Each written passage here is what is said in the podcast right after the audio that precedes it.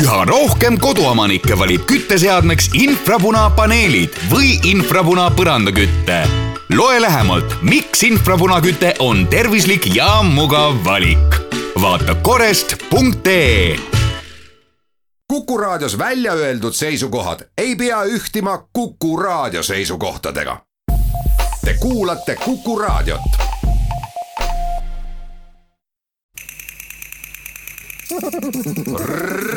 Reisirada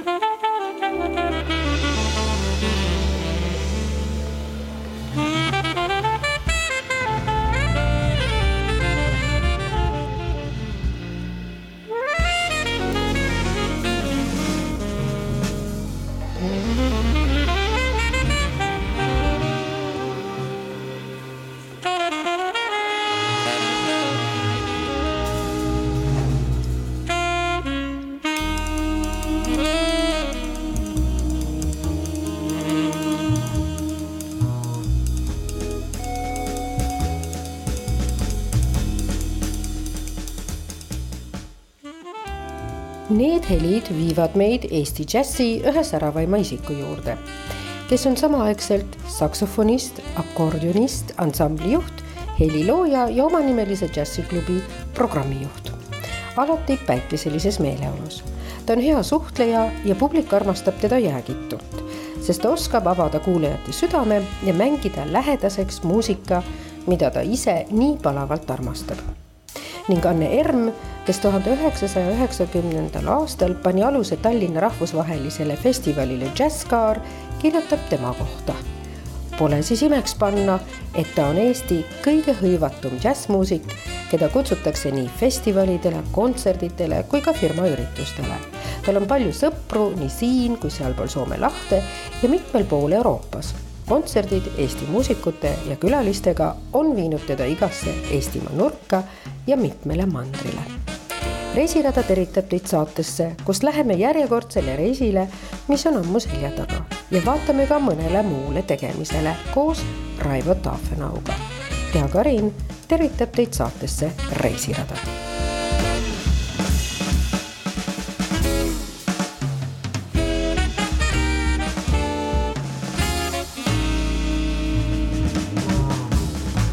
istume praegu stuudios Raivo Tafenauga ja meenutame aega, mil olid kasutuses selline terminoloogia nagu Nõukogude Liit, viisad, templid, load, KGB.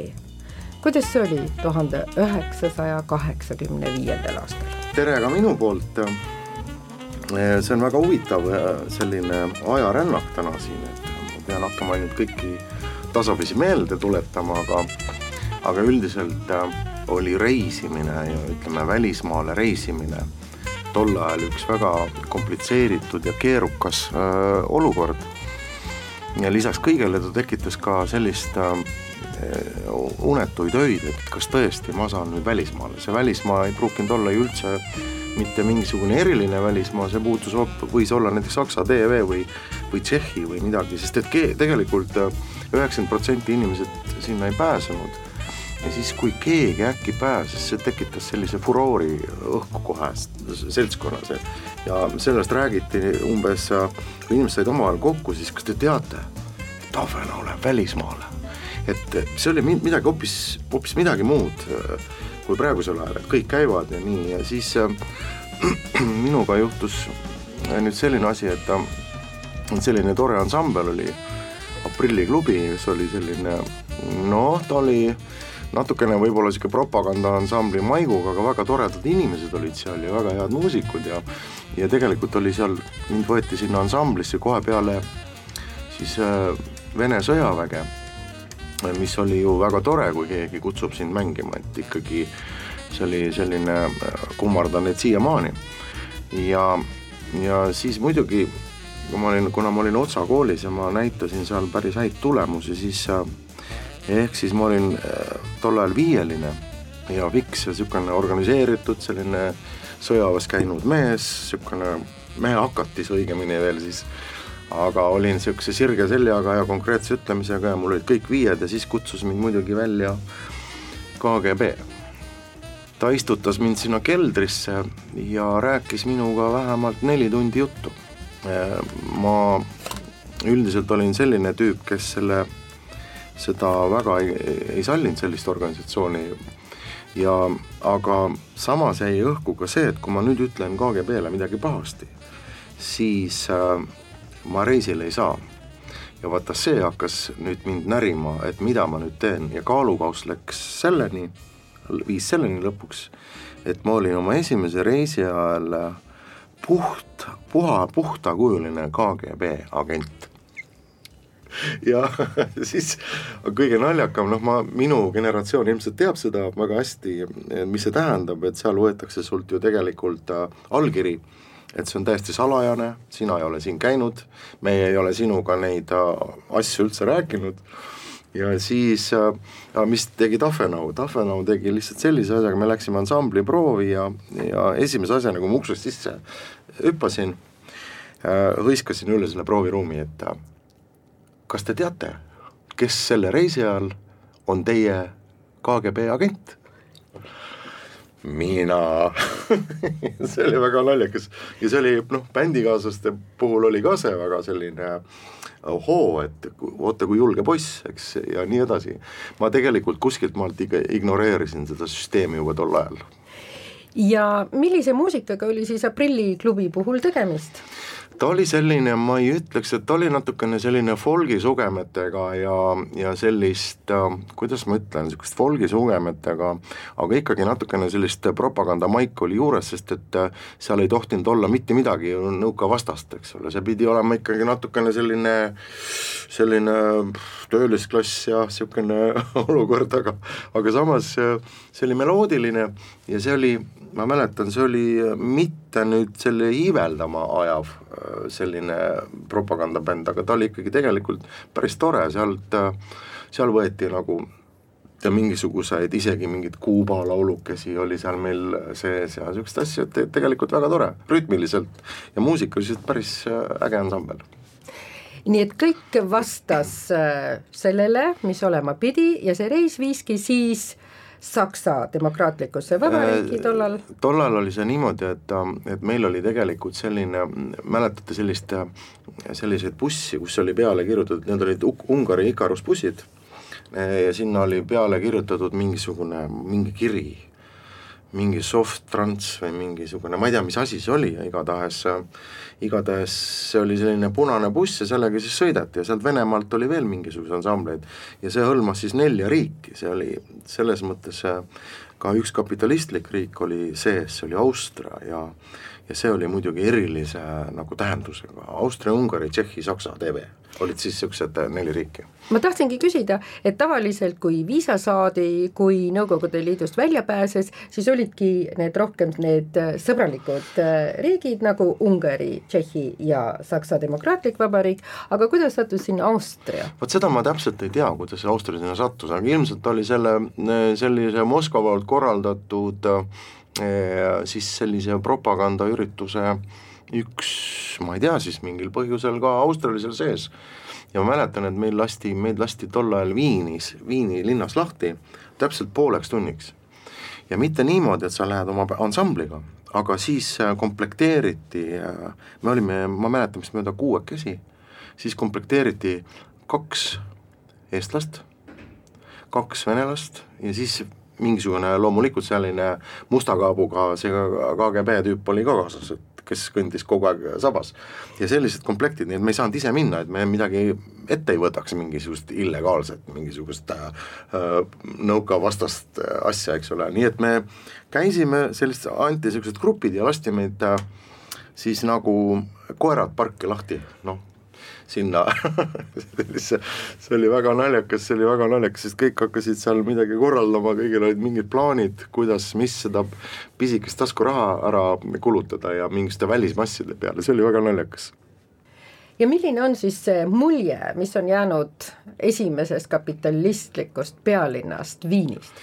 no põhimõtteliselt see, äh, kuna me sõitsime bussiga, me sattusime, sõitsime siis äh, Tšehhist Austriasse.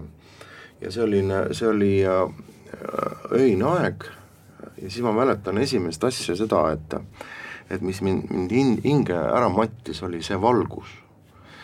Ütleme, kui sa tuled nagu sellisest pi-, pimedast ühiskonnast ja sõidad üle piiri, siis äkki hakkab olema valge.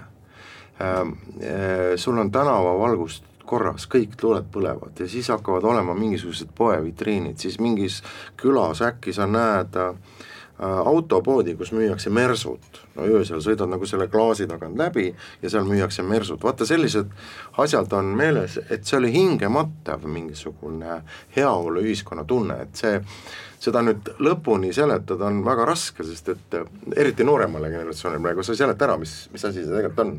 Aga täpselt niisugune, mina mäletan seda olukorda, kus oli pimedus äkki vahetus valguse vastu. Et see üleni kõik see elukorraldus, need head teed, need ilusad, kõik need olud, kõik oli puhas, kõik oli korras, öösel oli valge, seda ma mäletan. kas äh, Austrias oli kokkupuude ka tollal Austria muusikaga, sest äh, milline teine maa on selline muusikamaa? jaa, jaa, nii palju oli, et meid äh, viidi äh, sinna Mozarti monumenti vaatama see oli kogu kokkupuutumine muusikaga.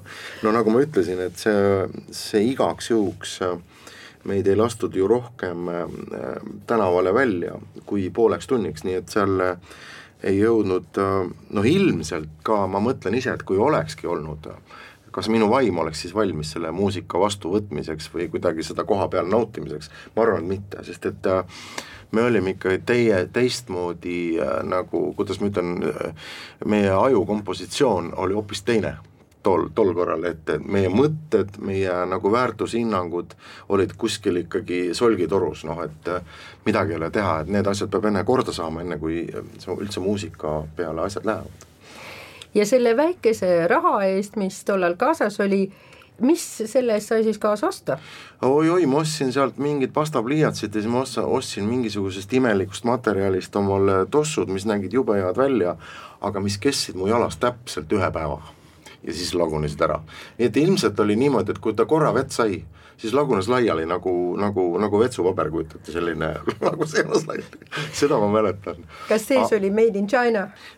Ei, ma ei, ma, ma isegi ei mäleta seda, sest et noh, tol ajal see China ei olnud ju nii, China oli ise ka suhteliselt vaene maa, aga aga eks siis neid kohti, kus neid äh, odavaid asju müüakse, see oli niisugune tilu, eks meid lastigi sinna Tilulilu tänavale, kus olid need kõige odavamad poed, et me oma nätsud ja asjad kõik ära saame. aga ma mäletan, et üks mees tuli küll, tal oli kaasas must, must kalamari purk ja sellest ta sai endale siis mingisuguse köögimaki, mis oli nii kõva sõna, et et kõik ahetasime, et kuidas ta niisuguse, niisuguse businessi oskas siin välja, välja tekitada. kui nüüd see neljane reis Austria, Ungari, Tšehhi ja äh, Saksa Demokraatlik Vabariik lõppes, siis tuli midagi ka sellest kokku panna ja aru anda. sest te olite ju teel ikkagi kui KGB-tšnik muidugi ma KGB-le eh, seda nagu seletuskirja ei kirjutanud või tähendab, kirjutasin, aga siis ma panin selle probleemi, panin just sellele mustas ülikonnas ja kaabuga nahk eh, mustade läikivate kingadega tüübis, kes käis meil Roikus kogu aeg kaasas, siis kui õues oli kolmkümmend kaks kraadi, eks, see oli suvine aeg ja siis ma põhimõtteliselt nagu kirjutasin tema kohta väga halvasti, aga oma bändi, noh kellest ma pidin nagu oma bändist ma pidin kirjutama, sest ma ei kirjutanud ühtegi sõna, aga panin kogu selle lataka siis selle KGB ohvitseri peale. Ja siis ma mõtlesin, et nüüd ma olen selles, mul tõmmati linnuke kirja et ma ei saa enam mitte kunagi välismaale, siis ma olin sellega leppinud, noh tol ajal oli perspektiivitu, eks ole, tume, tulevik näis ju väga tume ja ja niisugune tavaline nagu niisugune Harju keskmine niisugune, aga kaheksakümne kuuendal aastal sattusin Taani ansambliga Vikerlased, seal oli meil kakskümmend kolm kontserti, et uskumatu. Ja, ja sellest äh, on ainult head mälestused, välja arvatud see, et kui me hommikusöögilauas äh, sebisime endale kõik lõunaks ka need vorstid kõik kaasa, et see oli nagu siis ja seda ma mäletan, seda meile keegi ei öelnud, et seda teha ei tohi, eks, seal oli nii palju süüa hommikul hotellides, et me need keerasime kõik need äh, kaasa endale, eks ole, noh, et sa võid ju süüa nii palju, kui sa tahad, öeldi, on ju. aga keegi seda ei öelnud, et kaasa ei tohi võtta, nii et sellega jäime vahele. Ja siis äh, seal ma mängisin akordionit, eks, ja seda ma mäletan, et kui tagasi tulles äh, ma ei saanud, akordion läks nagu pagasisse, eks, ja see oli no halvasti pakitud, isegi kui mitte halvasti pakitud, siis seda loobiti nagu tavalist kohvrit ja seda mäletan, kui ma Moskvas selle akordioni kasti nagu ära võtsin, üles tõstsin ja siis kogu akordioni sisu vajus ühte nurka laiali, nii et kõik oli sodi, kõik, kõik need keeled, värgid, mis seal sees olid, et, et see puit oli puruks ja ja see oli tol ajal ikkagi väga kallis akordion, minu nagu ihupill, eks, selles mõttes, et ma olin temaga harjutanud. Ja, ja vot see oli väga karm nagu katsumus, kuidas nüüd see akordion jälle terveks saada, see oli mul selline olukord ja ja kuidas ta sai terveks? no siin on ikkagi eluaeg olnud Eestis selliseid üksikuid MacGyvereid, kes äh, ikkagi närivad läbi sellest probleemist ja, ja tehti ära, tehti ära ja tehti korda, täiesti korda, nii et nii et äh, selles mõttes oli väga tore. reisirada jääme siin korraks veel akordioni juurde et Raifo Tafenaust akordionimängija sai, selles, ütleb ta ise, oli süüdi juhus, kui talle kooli ajal juhtus fantastiline akordioniõpetaja Reet Nurming, kes piitsa ja prääniku meetodit kasutades tegigi temast fanaatilise akordionisti. Juhus oli ka see, et Pärnu Koidula kooli puhkpilliorkestris jäi üles saksofon, mitte tuuba, tromboon või suur trumm juhus mängis rolli ka selles, et Vene armees sattus ta puhkpilliorkestrisse, kus kapi tagant tuli välja vana saks, mille ta mängukõlblikuks putitas. ja juhus oli ka see, et Anne Veski kutsus teda oma bändi, millega algas reisimine mööda Venemaad kuskil kaheksakümne kaheksandal aastal kutsus mind oma ansamblisse Anne Veski, et, et tegelikult eh, ma pean olema reisimise mõttes ka tänulik sellele perioodile, sest et et tol ajal oli ju täiesti vabalt eh, üks kuuendik planeedist oli täiesti vabalt eh, saadaval, kättesaadaval, ehk siis Tallinnas istud peale ja sõidad siis igale poole, ainuke, ainuke asi, mida ma ma nii, mul on niivõrd kahju, mul on eh, en-, endised, vaadake seal on Anne Veskis kauem juba, tema bändis mängisid nemad said Kamtšatkal ära käidud ja vot see koht on mul kripeldab, et mul ei juhtunud selle kahe aasta jooksul nüüd Kamtšatka reisi. et kui ma oleks selle ka ära saanud, siis aga pakun välja, ma isegi kunagi lugesin kokku, seal oli kakskümmend kaheksa Vene linna. ja Siberist kuni siis äh, Almatani ja, ja Groznõid, ütleme kõik need sellised äärekohad sai läbi käidud Annega.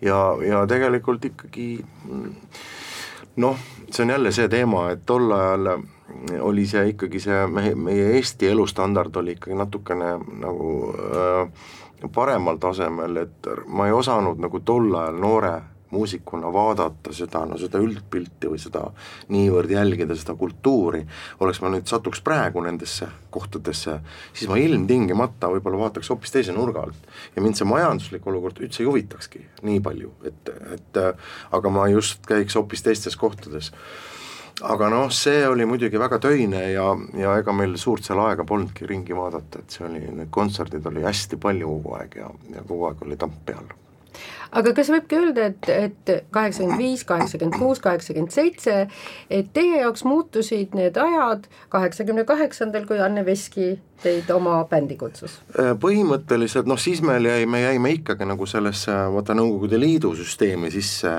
ütleme reis, reisimise mõttes võib-olla ikkagi minu jaoks muutus aeg siis, kui ma sealt äh, Anne Veskist ära tulin üheksakümmend, üheksakümnendal aastal vist jah ja, ja, ja pff, täiesti uskumatu, ma hiljuti mõtlesin selle peale, kuna Anne on mind kutsunud nüüd tagasi aeg-ajalt, ma teen temaga jälle kontserti üle kolmekümne aasta, siis siis mul tuli üks väga tore võrdlus äh, siin hiljuti meelde, kui me just siin äh, üle-eelmisel jõulude ajal tegime Saku Suurhalli kontserdi, kus oli siis pea seitse tuhat inimest ja mul tulid meelde need äh, Venemaal need kontserdisaalid, mis olid äh, suured spordihallid, mis olid neljatuhandesed ja ja ma mäletan, et Dnepropetrovskis saime kõige suurema äh, hulga inimesi, inimesi sinna saali. Ja seal oli seitseteist tuhat inimest staadionil. Ja, ja nüüd, nüüd see, vot see, kuidas need väärtushinnangud ikka võivad muutuda? Selles mõttes, et see on täiesti drastiline, aga ma tulin äh, Äh, siis vabatahtlikult Anne Veski ansamblist ära, kuna mulle pakuti nagu nii-öelda paremat tööd laevamuusikuna. nii et äh, vot, eks ole, seda pilti nüüd kokku keerutada ja neid põhja, põhjusi otsida, miks see asi nii oli, neid, seda on jube raske praegu. selles mõttes, et ma tulen, kust ma tulen ära, ma tulen nelja tuhande inimese kontsertit eks ole, kus on neli tuhat inimest ja lähen laeva peale tööle laevamuusikuna.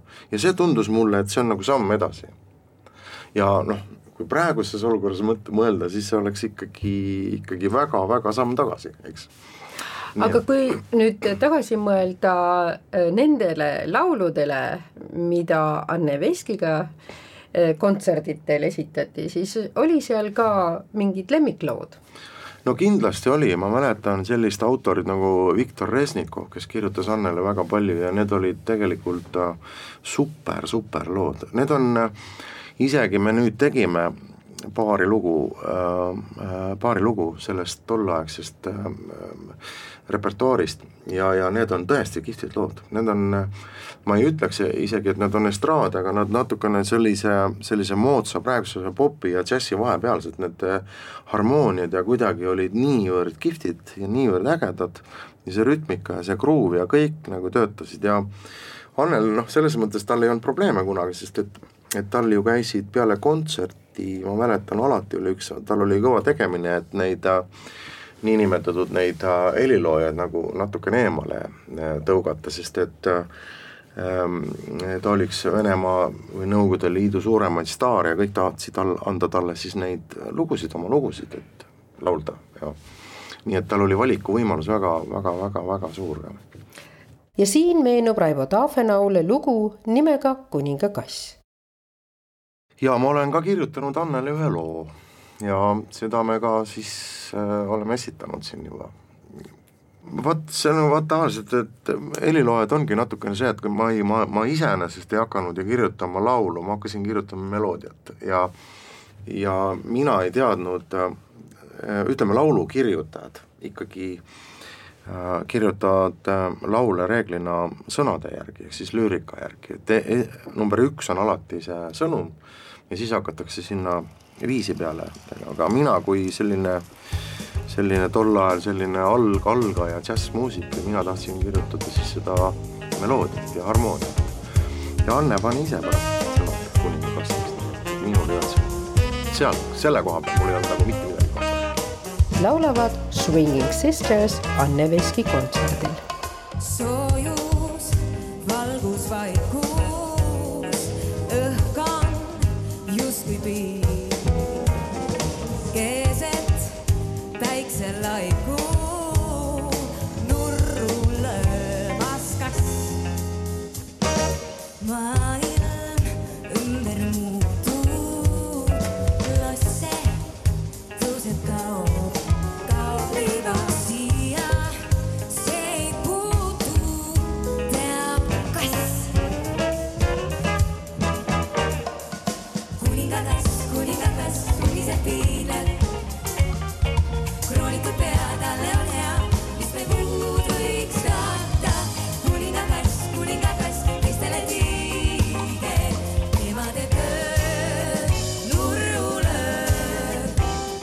Põhimõtteliselt see laevamuusiku mm, ma üldse ei alahinda ja ma tegelikult olen ikka sügavalt tänulik äh, kogu sellele laevandusele äh, Tallinkile, kes siis esimesi laeva, tal oli ta kaks laeva, Tallink ja Georg Ots. Georg Ots oli vist eraldi ja Tallink oli siis ühe väikse laevaga, pähklikoorega ta sõitis alguses ja oli Soome meeskond, esiteks äh, ja me olime ainsad eestlased ja ma sain suhteliselt ruttu oma sellised soome tänavakeele suhu. Ja number üks, teiseks äh, ikkagi need majanduslikud, ütleme majanduslikud tingimused, see krooni vahe, rubla ja krooni vahetumise ajajärgul olid ikka niivõrd totaalselt erinevad, et ta tegelikult äh, ikkagi äh, äh, ta lõi olukorra, kus ma saan edaspidi elus muusikuna jätkata, et väga paljud siis tol ajal loobusid. Ja see oli, see oli, see oli väga tore periood, me saime laevas olla tegelikult väga heade muusikutega koos ja ja mängida ka sellist muusikat, mis mulle endale väga meeldis, et kuna väga palju inimesi tavaliselt ei olnud, kes ainult seda tantsu tahtsid teha, eks, siis oli meil natukene rohkem vabadust ka seal. et see oli väga-väga-väga-väga kihvt aeg oli tegelikult. reisirada. Aga kuidas nüüd te olete jõudnud selliste reiside juurde nagu mootorrattareisid? noh, see mootorratas eh, ilmselt mind kuskilt, kusagilt lapsepõlvest saati on juba eh, pisut eh, huvitanud, mitte pisut, aga ma mäletan, et mul olid ikka kaks võrd, võrdväärset asja, mida, millega igapäevaselt peale kooli tegeleda, üks oli siis äh, punnvõrride ehitamine ja teine oli akordion. Ehk siis muusika ja selline, et kui ma akordionit parasjagu ei mänginud, siis mul tavaliselt oli nina õline alati ja ikkagi ma, vaene minu ema, kes pidi mu bensuseid ja õliseid riideid kogu aeg pesema, et ja ma arvan, et sealt no, ikkagi see tehnika huvi on siiamaani säilinud ja ja see, see mootorratta mm, põhimõtteliselt see tekkis mul suhteliselt hiljuti, kaks tuhat viis või kaks tuhat kuus, kui ma esimese tsikli ostsin. ja mul siis lube ei olnud, siis ma käisin pimedas sõitmas ilma lubadeta ja et, et seda tunnet saada tagasi, siis tegin load. ja peale lubade tegemist siis, kui seal Nuustakul oli käidud korralikult, nagu öeldakse, käia enam Nuustakul ära ja, ja natukene õpitud sõitma ka selle tsikliga, mis seal on väga palju erinevaid nüansse ja nii edasi, et ja siis sai juba võetud sellised suuremad, suuremad ja, ja pikemad reisid ette. ja üks nendest mootorrattareisidest viis jälle Austriasse. esimene oligi jälle Austria, seekord oli siis niimoodi, et eh, mul oli just kontsert, mängisin Jazz Baltica ansamblis siis, kus korjati kogu, korjati nagu muusikud ümber Baltimaade kokku ja pandi selline ansambel. seal põhitegelane oli siis äh, Nils Landgren e,. mängisin seal kontserti ära, sõbrad tulid autoga järgi, võtsid mu peale, rekkad olid viinud meie rattad kenasti Tallinnast Stuttgardi, Stuttgardist äh, istusime rataste selga ja tegime siis selle esimene selline äh, korralikum peatus oli Salzburg ja sealt siis edasi nende, nendesse äh, siis Alpidesse. ja mis oli siis tollane uus mulje? noh, ja mis ma pean ütlema jälle, ma pean tegelikult äh, jälle, ma olen elu, nagu ma enne mainisin, siis seda sellist äh, nagu hingematvat tunnet seda on, on mul elus siis, kui siis tegelikult on ükskord veel olnud sellest reisist ma ei rääkinud praegu. aga see oli see, ütleme üks, number üks oli siis see Austria, kus pimedas sisse sõitsime, see oli nagu siis see valgus. number kaks oli see äh, äh, kui ta, kui ma sattusin üheksakümne teisel aastal esimest korda New Yorki. ja number kolm oli siis see, kuidas ma lõpuks oma äh,, minu naine istus minu taga ja me sõitsime Austria alpides ja sõitsime ja vaatasime neid mägesid ja, ja see tunne, vot need kolm koht, korda on mul olnud sellist, sellist, ma, ma, ma, ma isegi sula, ma isegi ei suuda öelda, mis tunne see on, see on nagu kuidagi nagu hingematult kaunis või ta nagu sihuke tahaks nagu lennata või selline tunne on. Ja vot ja see oli jah, see esimene mägedes sõitmine serpentiinide vahel seal kõrgalpides, see, oli midagi, igal pool on lumised mäetipud ja sa oled seal kusagil ja siis all on teisel pool on sul kuristik ja, ja sa vaatad seda olukorda ja mõtled, kuhu sa oled sattunud. ja mis oli see hingemattev New Yorgis? Äh, New Yorgis oli muidugi see hingemattev äh, kogemus, need mm, pilvelõhkujad. Huvitav, et teistel kordadel enam see nii ei ole. Et ta on just see esimene kord, et, et sul on mingisugune selline dimensioon, mis sinu, mis sinu organism ja sinu vaim ei ole üldse arv, harjunud. Ja siis see dimensioon ilmselt ongi see, mis lükkab sellise hinge mingisuguse sihukese kohutavalt ägeda tunde, et sa vaatad neid milleks sa tegelikult, neid asju, mida sa, milleks sa pole tegelikult valmis. see on sarnane sellega, et kui sa satud eh, kusagile lõunasse ja näed esimest korda tõelisi palme, siis kõik pildistavad nagu palme ja palme. Ja, ja teinekord sa juba teinekord on see tavaline. Ja, aga vot just see esimene kord, just, et äh, üks asi on vaadata pilte ja filme ja kõiki neid asju, aga teine asi on ikkagi äh, äh, ikkagi lõpuks ronida sinna, sõita liftiga sinna World Trade Centeri otsa, mis tookord kaksiktornid veel oli, ja vaadata sealt alla, et need dimensioonid on äh, midagi, midagi ikkagi väga võimsat. kas midagi nendest hingematvatest muljetest on läinud ka muusikasse, teie oma muusikasse? Äh, ma arvan, et on, ma arvan, et on, et seda nagu ei saa mm, päriselt äh, ju seda on võimatu nagu seostada, et vot just see, just see, just see, aga ma arvan, et et, et muusikud ikkagi kujunevad kogu aeg.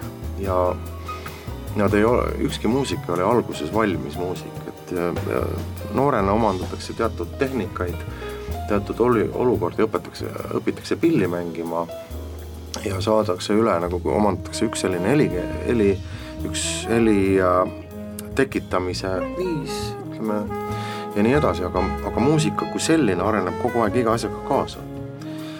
ja ma nüüd ei oska öelda küll niimoodi, et jah, et ma täna vaatan, et päike nüüd loojub ja täna kirjutan sellest, sellest loo, et mm, seda ma ei oska niimoodi öelda, võib-olla mõni suudab võib-olla, võib-olla ta ka siis pärast valetab, kui ta seda tegi, eks. aga ma arvan, et meil on mingid, kuhjuvad mingisugused emotsioonid ja siis pärast seda hakkab toimuma muusikas ka midagi väikse viibisega, nii et ma arvan küll, et kõik need reisid ja, ja kogu see minu kujunemine siis on just üks osa on tänu nendele reisidele. ja džäss, nagu ma ka väliselt näen, mängib ikka väga suurt rolli, sest mulle vaatab siin vastu ka kiri Kuulan džässi.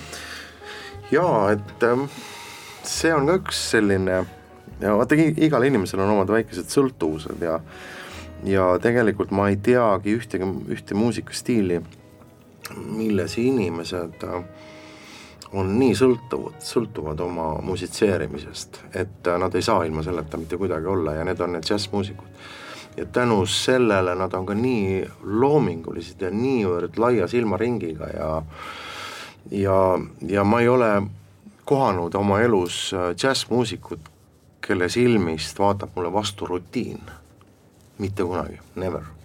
aga olen muidugi mingite teiste muusikastiilide juures seda täheldanud.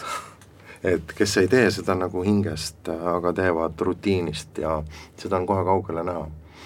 selles mõttes ma oskan neid jah, selekteerida, aga džässmuusikud, muusikud tavaliselt on, kui nad on laval, siis nad on ühtemoodi Nad võivad olla enne kontserti väsinud, lähevad lavale, säravad ja pärast kontserti on jälle väsinud. aga see hetk, mis seal laval toimub, see on ähm, väga, väga ilus. ja milline on siis see džässmuusik äh, Raivo Tafenaus äh,? iseenda kohta laisk, võin öelda võiks palju rohkem teha ja alati just viimasel ajal olen mõelnud, et äkki, äkki ma ei ole piisavalt teinud, et oleks võinud rohkem teha, aga kõik need oleksid ja need asjad ma ei oska niimoodi öelda, enda kohta ei saa kunagi öelda, et mismoodi ma nagu välja paistan, aga aga mul on selline tunne olnud, et viimasel ajal kuidagi inimestel on hakanud huvi küll tekkima, et äh, nende minu tegemiste suhtes, et et mul ei ole olnud probleeme viimasel ajal, et TAF klubi jääb pooleldi valmüüduks näiteks. Ja selle koha peal ma tahan kõiki kuulajaid tänada. Ja kui keegi on plaaninud nüüd siis, oli plaaninud siin märts, aprill, mai TAF klubisse Äh, tulla ja see, need loomulikult jäid kõik ära, aga need kontserdid kõik toimuvad, toimuvad sügisel. Ja me jätkame sügisel täie pauguga edasi, nii et äh, siinkohal ma tahaks avaldada tõesti tõeliselt omapoolset optimismi selle asja suhtes. aga siiski on praegu ka midagi väga põnevat tegemisel ju. on välja tulemas üks väga huvitav ja ainulaadne CD no jaa, see, võib-olla selle ma oleks juba lasknud äh, siin äh, maikuus välja, kui ma vaid oleksin saanud, et äh, praegu on ju nii, et et kogu see plaadi ja muusika info liigub ainult läbi veebi, aga äh, mina ei ole selles mõttes selline totaalne nagu vee-, veebikontserdite äh, fänn, sest et äh, ma näen ise pealt äh, sellist olukorda, isegi kui inimesed vaatavad neid kontserte, nad ei viitsi enda telefonile panna taha korralikke kõlareid, mis teeksid, tekitaksid korralikku sound'i, ehk siis heli, korralikku helipilti, et äh, tehakse lihtsalt faktiline selline ekraan lahti ja kuulatakse seda asja telefonist, aga kujutage, kujutage nüüd kõik ette, milline on telefoniheli sellele asjale, mis sa teed, ma sellega sa võid pigem teha karuteene oma noh, oma näiteks äh, igal saksimängijal on oma sound ja oma heli ja oma toon ja see võib tihtipeale seal veebikeskkonnas ära kaduda, et, et siis võib tekkidagi niisugune imelik asi, et mis pill see mängib, et ei saagi päriselt aru.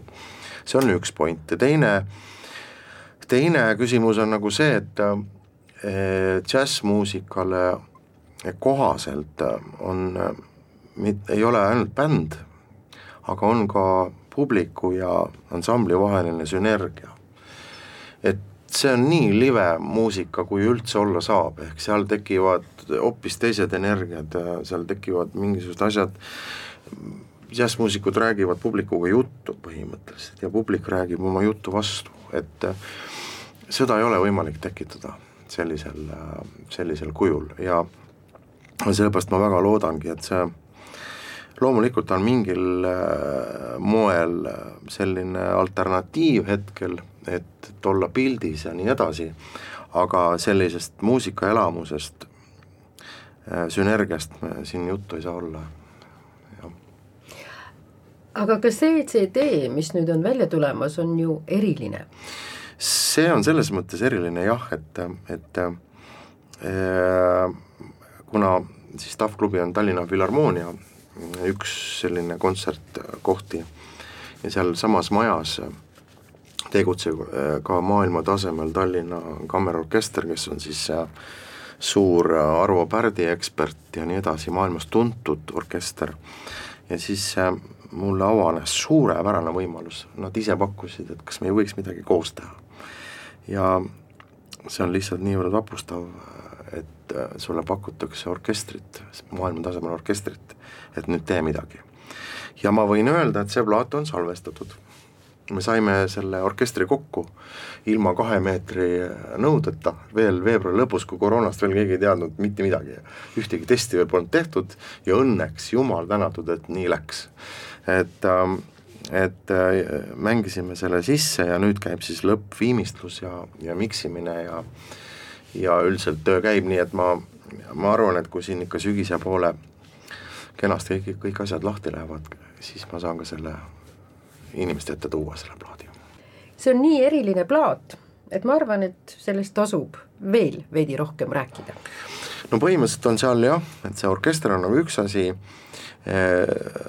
teiseks on seal väga super džässtrio, Joel Remmel džässtrio mängib seal siis, samad mehed mängivad, ja kolmandaks mul on Eestis siis väga niisugused lemmik jätsmuusikud, kellega ma olen hästi palju koostööd teinud ja keda ma imetlen ja need on siis äh, Siim Aimla, Meelis Vind ja Raul Sööt, kes ka on teinud tegelikult sellele minu muusikale siis äh, keelpilliseaded, ehk äh, ujusin natukene vastuvoolu ja palusin teha instrumentalistidel ehk siis puhkpillimängijatel teha need seaded, sest et nende selline suhtumine äh, on natuke teistmoodi ja, ja see, see teistmoodi on minu meelest niivõrd äge, see on niivõrd kihvtilt nad kõlavad, et äh, et selles mõttes jah, et see kõik, mis puudutab nüüd äh,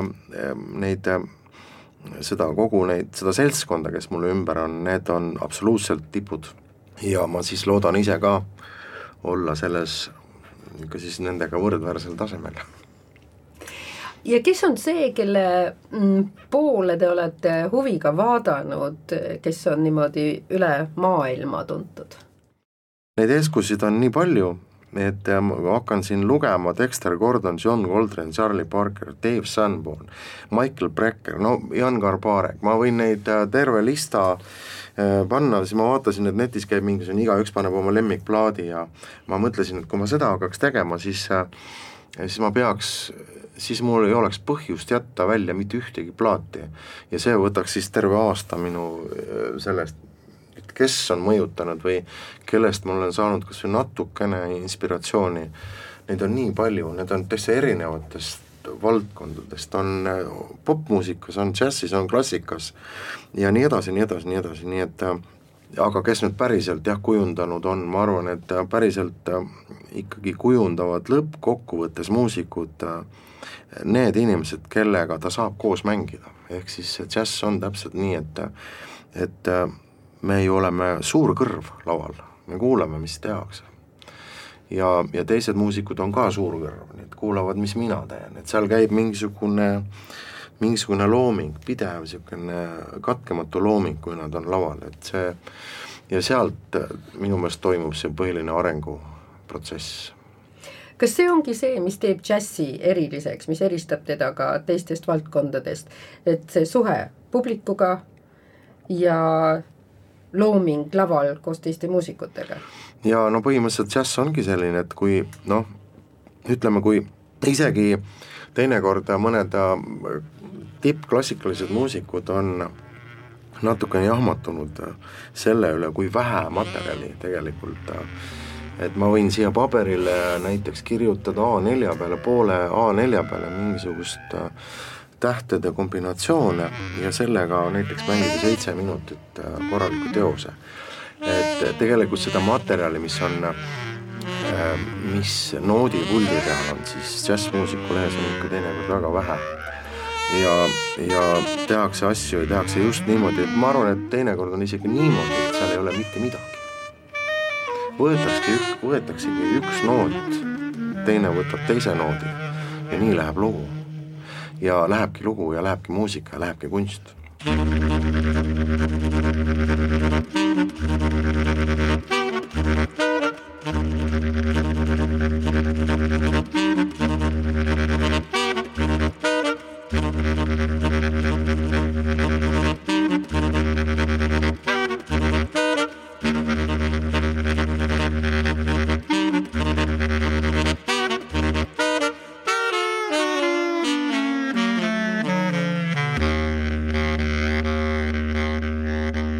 Saate tehnilise külje eest vastutas Veiko Rebane.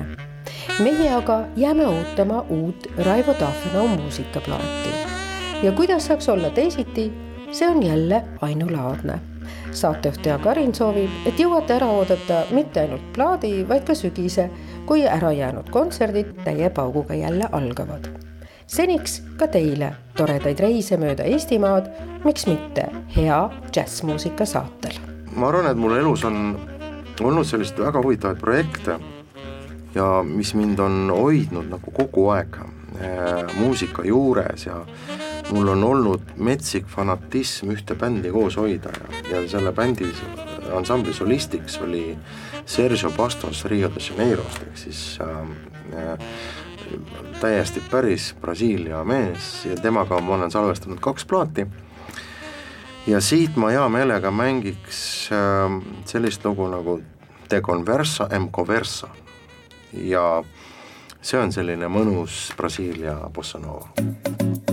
Samba barabip, girabadem barabadi barie. Berabiribida baram daradera, sayum daraye. Samba barabip, girabadem barabadi barie. Berabiribida baram daradera, sayum daraye. Ou de conversa em conversa, você vai arranjando jeito de brigar. Ou de palavra em palavra, você está querendo é nos separar. Parece até que o destino não se com você só pra me maltratar. E cada dia que passa é mais uma tormenta que eu deixei ficar. Nosso viver não adianta, é bem melhor juntarmos nossos trapos. Arrume tudo que é seu, eu vou separando os meus farrapos. Vivendo dessa maneira, continuar besteira, não adianta não. Não, não, não, que passou é poeira, deixa de asneiras que eu não sou limão. Vivendo dessa maneira, continuar a besteira não adianta não. Não, não, não, o que passou é poeira, deixa de asneiras que eu não sou limão. Samba barabê, tirabadê, barabadim, barie. Berabidebidá, baram daradeira, sai um daraie. Bam da barabê, Baby down, but I'm da da da da, sound da da eh.